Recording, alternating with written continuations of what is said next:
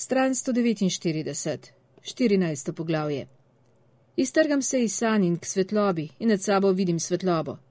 Tako je, kot da bi bil pod vodo, modro bleščanje ploskve tam zgoraj, tako blizu, a vendar tako zunaj dosega, kajti v vijoličastih plesteh tu spodaj ne gre nič na hitro in tukaj sem že bil, a zdaj ne vem, ali bom prišel pravočasno gor. Roke iztegnem, kolikor morem, omotičen od izčrpanosti in na dleneh naenkrat začutim mrzel zrak, z nogami se poženem in z obrazom zadenem najviše opno in lahko odprem usta in dihnem zrak. Potem odprem oči in ni svetlo, ampak enako temno kot spodaj v globini. Razočaranje v ustih ima okus po pepelu, nisem hotel sem. Globoko vdihnem in stisnem ustnice in se hočem potopiti nazaj, takrat pa ugotovim, da ležim v svoji posteli pod odejo, v sobici poleg kuhinje, da je zgodaj zjutraj in še vedno temno in da mi ni nič več treba zadrževati diha. Izdihnem in se olajšano zasmejim, potem pa začnem jokati, še preden mi je jasno zakaj. To je nekaj novega, ne spomnim se, kdaj sem zadnjič jokal in kar nekaj časa traja in razmišljam, če nekega jutra ne bom dosegel gladine, ali bo to pomenilo, da sem umrl. A ne jokam za to. Lahko bi šel ven in legal v sneg in čakal, da me ohromi, da bi se čim bolj približal in ugotovil, kako se počutiš. Zlahka bi se pripravil. Ampak se se ne bojim smrti. Obrnem se proti nočni umarici in pogledam na svetleča urna kazalca. Ura je šest, moj čas, zdaj bom ustal. Odgrnem odejo in se dvignem. S hrbtom je tokrat vse v redu, sedim na posteli z nogami na preprogi, ki sem jo tja položil zato, da podplati v tem mrzlem letnem času ne bi bili preveč šokirani. Dolgoročno pa moram položiti nova tla in jih izolirati, mogoče spomladi, če bo dovolj denarja. Seveda bo dovolj denarja. Kdaj me bo to že nehalo skrbeti? Prižgem luč pri posteli. Sežem po hlačah, ki visijo čez stol, dotaknem se jih in jih zagrabim, potem pa se ustavim. Ne vem, očitno nisem pripravljen. Veliko imam upraviti. Moral bi zamenjati nekaj desk pri vhodu, preden se kdo spotakne in poškoduje. In to sem hotel narediti danes. Kupil sem impregniran material in žoblje številka tri. To bi moralo biti dovolj. Štirica je po mojem prevelika. Potem pa moram še razsekati drva iz stare smreke v primerno velikost za kurjenje. Tega še nisem opravil in ne bi več smel čakati, to je jasno, zdaj, ko bo zima zares prišla. Vse tako je videti in pozneje pride Lars in bo vas prikolica odpeljala v Jevje. To bo najbrž zabavno, zdi se mi, da nama bo uspelo. Pogledam skozi okno. Nehala je snežiti. Opazimo brise snežnih zametov. Mogoče danes ne bo tako lahko delati zunaj. Spustim hlače in ležem nazaj na blazino. Nekaj pri sanjah ni bilo v redu. Vem, da lahko ugotovim, kaj če hočem, pri tem sem dober, pri rekonstrukciji, vsaj bil sem, ampak ne vem, ali hočem. Bile so erotične sanje, pogosto jih imam, moram priznati, saj to ni rezervirano za najstnike. Zraven je bila Jonova mama, kakršna je bila poleti 1948, in jaz, kakršen sem zdaj, 67 let star in približno 50 let pozneje, in mogoče je bil nekje zraven tudi oče, v ozadju, v sencah, tak občutek imam, in želodce imam težko kepo, če samo pomislim na sanje. Mislim, da jih moram izpustiti, pustiti, da padejo in se umirijo na dnu, poleg drugih, ki sem jih imel, in se jih ne morem dotakniti.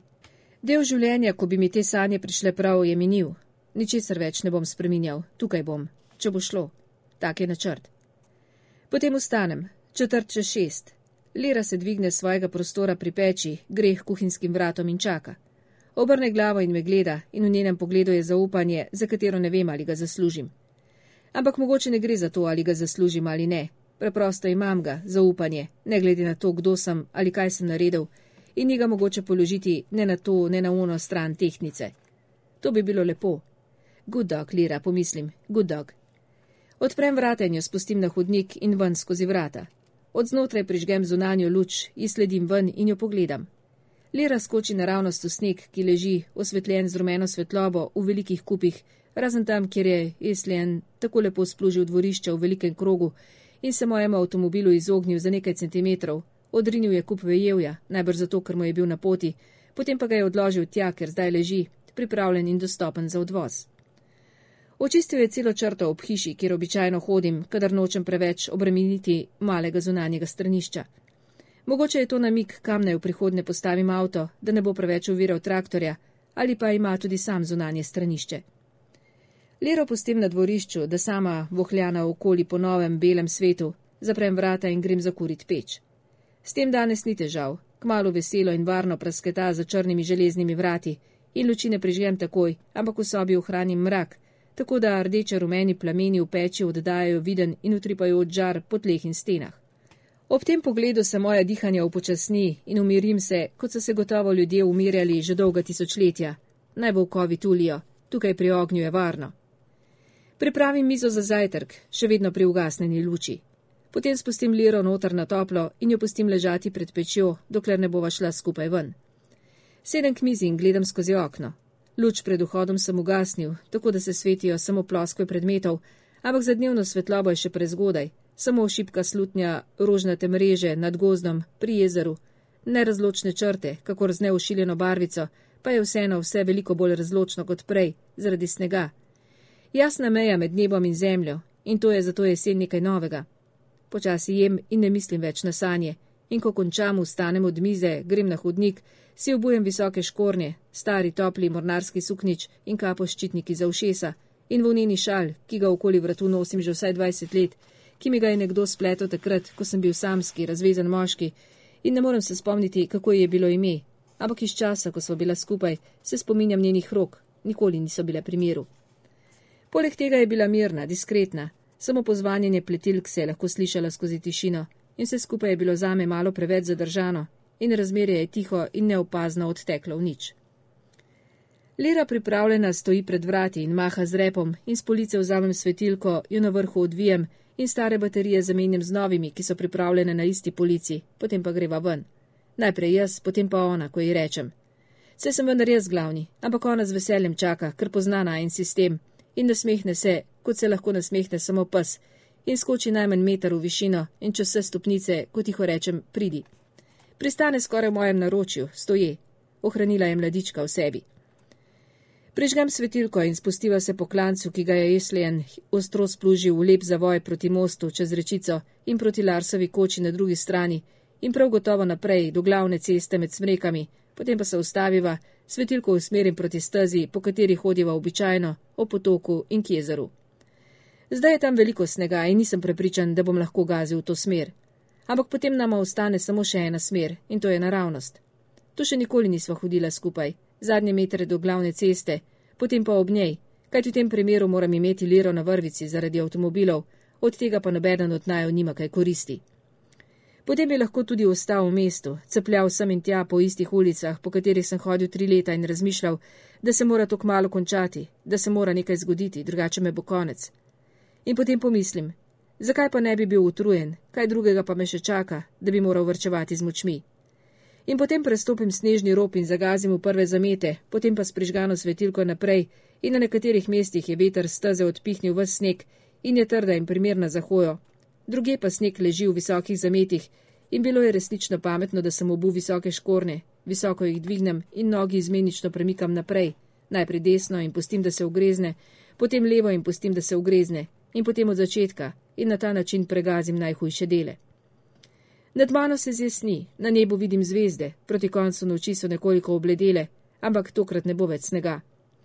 Ko se bo zares zdanilo, bo posijalo sonce, čeprav ne vem kako močno, ne tako odrhteče razbeljeno kot tistega dne, ki se ga nenadoma spomnim, nekega dne konec junija 1945, ko sva sestro stala pri oknu v prvem nadstropju z razgledom na notranji Oselski fjord in Nesoden in Bunefjord, In bilo je poletje in na vodi je bila slepeča svetloba in histerične jadrnice na svobodnem norveškem, ki so jadrele z napetimi jadri sem in tja, od ene obale do druge in so se od same v Neme skoraj prevrnile in se nikoli niso utrudile. In tisti, ki so bili na krovu, so prepevali in jim ni bilo prav nič narodno in imeli so se lepo. Jaz pa sem bil od vsega skupaj že utrujen, izčrpan od čakanja. Te ljudi sem videl že toliko krat, v mestu v Studenterlundu, pa v gozdu Estermark Setra in v kopališču Ingirstand in v Fagerstrandu, ko smo se tja odpeljali s čovnom, ki smo si ga izposodili, in še na drugih krajih, kjer so vriskali in kričali in niso hoteli dojeti, da je zabave konec. Zato nisva pogledovala na fjord, od tam ni prihajalo nič, česar bi se veselila. Tistega dne sva sestro strmela na cesto, po kateri je po strmem Nilsk baknu z Ljanske postaje počasi prihajal oče, ki se je po vojni vračal švedskega, z veliko zamudo, zelo previdno, v obrabljeni sivi obleki, na rami je imel obešeno sivo torbo, iz katere je štrlelo nekaj, kar je bilo videti kot ribiška palica, in ni ravno vlekel nog za sabo, ni se ustavljal, kolikor sva lahko videla. Ni bil poškodovan, ampak vseeno je hodil počasi, kot znotraj velike tišine, v vakumu. In zakaj sva stala tam ob oknu in nisva bila na postaji, veliko preden bi moral priti vlak ali pa vsaj na cesti, da bi ga pozdravila, se ne spominjam. Morda nama je bilo nerodno. Meni je vsekakor bilo, ker mi je bilo vse čas. Mama je stala pri vratih v pridličju in se grizla usnico in brisala mokre roke v predpasnik in ni mogla stati pri miru. Prestopala se je, kot da mora na stranišče, potem pa se ni več mogla zadrževati in je odtrgala telo od podboja in stekla na cesto in se pred pozornimi pričami na več vrtovih vrgla k očetovemu telesu. To je bilo seveda prav, to je morala storiti. Takrat je bila še mlada in lahkih nog, ampak spominjam se je takšne, kot je ostala pozneje, zagrenjene, previdne, veliko težje. Oče je očitno pričakoval takšen sprejem, ne morem si predstavljati nič drugega. Osem mesecev ga nismo videli in o njem nismo slišali nič do dveh dni prej, tako da smo vedeli, da prihaja. Sestra je odropotala po stopnicah in na cesto, kjer je ponovila vsak gib, ki ga je prej naredila mama, kar je šlo na živce meni, ki sem šel počasi zadaj. Ni se bilo lahko vreči zraven, nisem bil tak. Ustavil sem se pri poštnem nabiralniku in se naslonil na nj in gledal oni dve, ki sta stali sredi ceste in se uklepali očeta. Čez njune rame sem videl njegov pogled, najprej zbegan in skoraj da nemočen, potem pa je poiskal mojega in jaz sem poiskal njegovega. Previdno sem mu pokimal. Pokimal mi je nazaj in se šipko nasmehnil in razumel sem, da od zdaj naprej štejeva midva, da so sklenila pakt. In čeprav ga dolgo ni bilo, sem se ta dan počutil bliže njemu kot pred vojno. Imel sem 12 let in z enim pogledom se je teža mojega življenja prerasporedila z ene točke na drugo, od nje k njemu in v novo smer. Ampak mogoče sem bil preveč navdušen. Prisopiham vse do klopi, ki stoji na bregu jezera oziroma labodjega jezera, kot ga sam pri sebi tiho imenujem, kot bi ga otrok in labodje jezero leži odprto in črno v svetlobi svetilke. Ni še zaledenelo, tako mrzlo še ni. Tudi labodov ni videti ob tem času. Najbrž se po noči skrivajo na suhem, v gostem ločju, s svojimi dolgimi vrtovi, kot pirnate pentlje v belih lokih in z glavo pod krilom, ker predstavljam si, ne bodo priplavali, dokler se ne zdani, da bi se pasli po bregu, dokler je voda še dostopna. Kaj bodo storili, ko se bo naredil let, pravzaprav nisem pomislil. Zakaj ne odletijo na jug, k jezerom brez ledu? Bodo ostali tukaj do pomladi? So na norveškem po zimi labodi? Moram ugotoviti.